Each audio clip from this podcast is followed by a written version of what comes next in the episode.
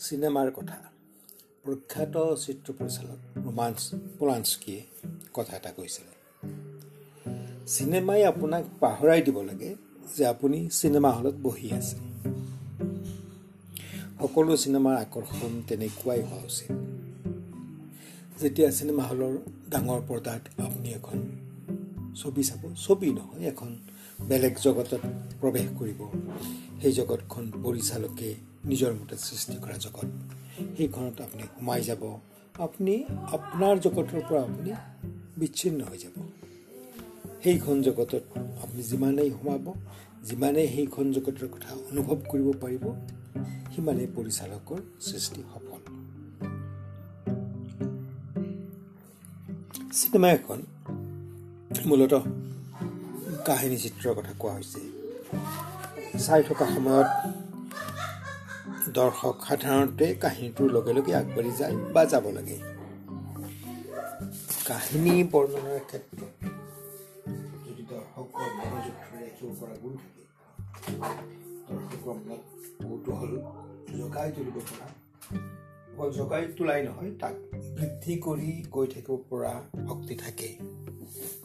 তেতিয়াহ'লে দৰ্শকে ছবিখন চাই বিশেষ আনন্দ উপভোগ কৰে। ছবিখনৰ কাহিনীত সোমাই পৰে মূল চৰিত্ৰৰ লগত একাত্ম অনুভৱ কৰে। সেই চৰিত্ৰৰ দুখত দুখী হৈ আনন্দত আনন্দ কৰে। চৰিত্ৰই যেতিয়া বিৰতিপ্ত কাম কৰে তেতিয়া হাত তালি বুজাই সমৰ্থন কৰে উৎসাহ দিয়ে।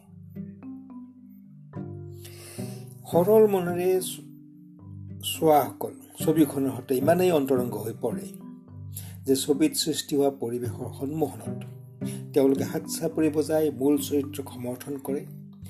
খলনায়কক পৰাভূত কৰিবলৈ নায়কক উৎসাহবাদী শুনায় নাচ গানৰ দৃশ্যত সুহুৰি বজাই আনন্দৰ অংশীদাৰ হয়। ভৱেন্দ্ৰনাথ শইকীয়াৰ অনিৰ্বাণ ছবিত যেতিয়া মাষ্টৰৰ সন্তান জন্মৰ লগে লগে মৃত্যুমুখত পৰে তেতিয়া দৰ্শক মাষ্টৰৰ দুখৰ সমভাগী হয়। অগ্নিস্নান ছবিত মহিকান্তই যেতিয়া দ্বিতীয় বিবাহ কৰে দৰ্শক তেওঁৰ প্ৰথমা পত্নী মেনকাৰ দুখত সমভাগী হয়। সত্যজিত্ৰাৰ প্ৰতিদ্বন্দ্বী ছবিৰ নিবনুৱা যুৱকৰ চেহেৰাত দৰ্শকে নিজৰ যুৱৰ নিজৰ নিবনুৱা অৱস্থাৰ ছবি দেখা পায়। জঞ্জীৰ ছবিৰ নায়কৰ প্ৰতিবাদত দৰ্শকে বিচাৰি পায় নিজৰ মনৰ মাজত শুই থকা প্ৰতিবাদী বন্দৰ চৰিত্ৰ এনেকুৱা উদাহৰণৰ শেষ নাই কিন্তু এইটোও ঠিক যে প্ৰতিখন ছবিয়ে দৰ্শকক আৱেগৰ এইটো স্তৰলৈ লৈ যাব নোৱাৰে চিনেমা চিনেমা এখনক সাধাৰণতে দুই ধৰণে সফল হোৱা বুলি কোৱা হয় এবিধ বক্স অফিচ সফল দ্বিতীয়বিধ হৈছে কলাগত দিশত সফল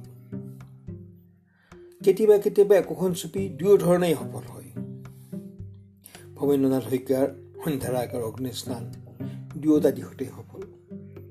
কিন্তু পদুম বৰুৱাৰ গঙা চিনেমাৰ পাখি ছবিখন কলাগত দিশত সফল কিন্তু বক্স অফিচৰ দিশৰ পৰা সফল নহয়।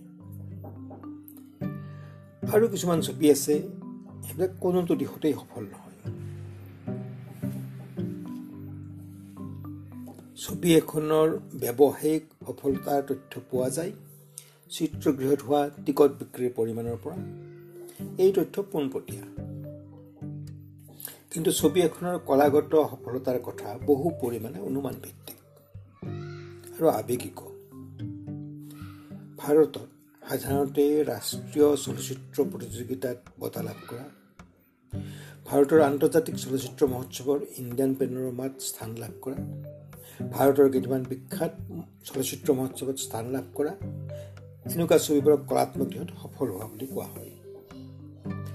তেনেদৰে বিদেশৰ কিছুমান চলচ্চিত্ৰ মহোৎসৱত অন্তৰ্ভুক্ত হোৱা ছবিকো কলাগত দিশত সফল হোৱা বুলি মানি লোৱা হয়।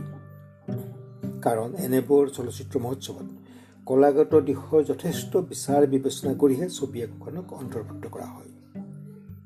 কিন্তু এইটোও ঠিক বিদেশৰ মহোৎসৱ মানেই যে আন্তৰ্জাতিক খ্যাতি সেই কথাটো সঠিক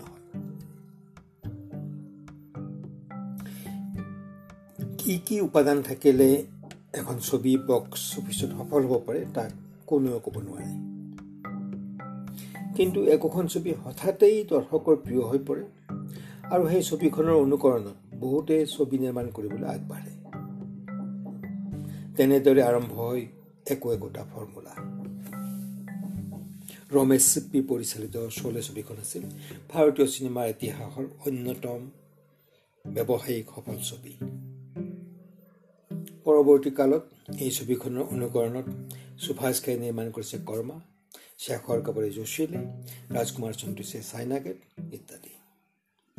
কিন্তু কোনো এখনেও চৌলেৰ দৰে ব্যৱসায়িক সফলতা লাভ কৰা নাই আৰু চৌলেৰ দৰে সন্মানো লাভ কৰা নাই। বক্স অফিচৰ দিশৰ পৰা অসমীয়া চিনেমা জীৱন বুঢ়াৰ তৰামাই আছিল অন্যতম সফল ছবি।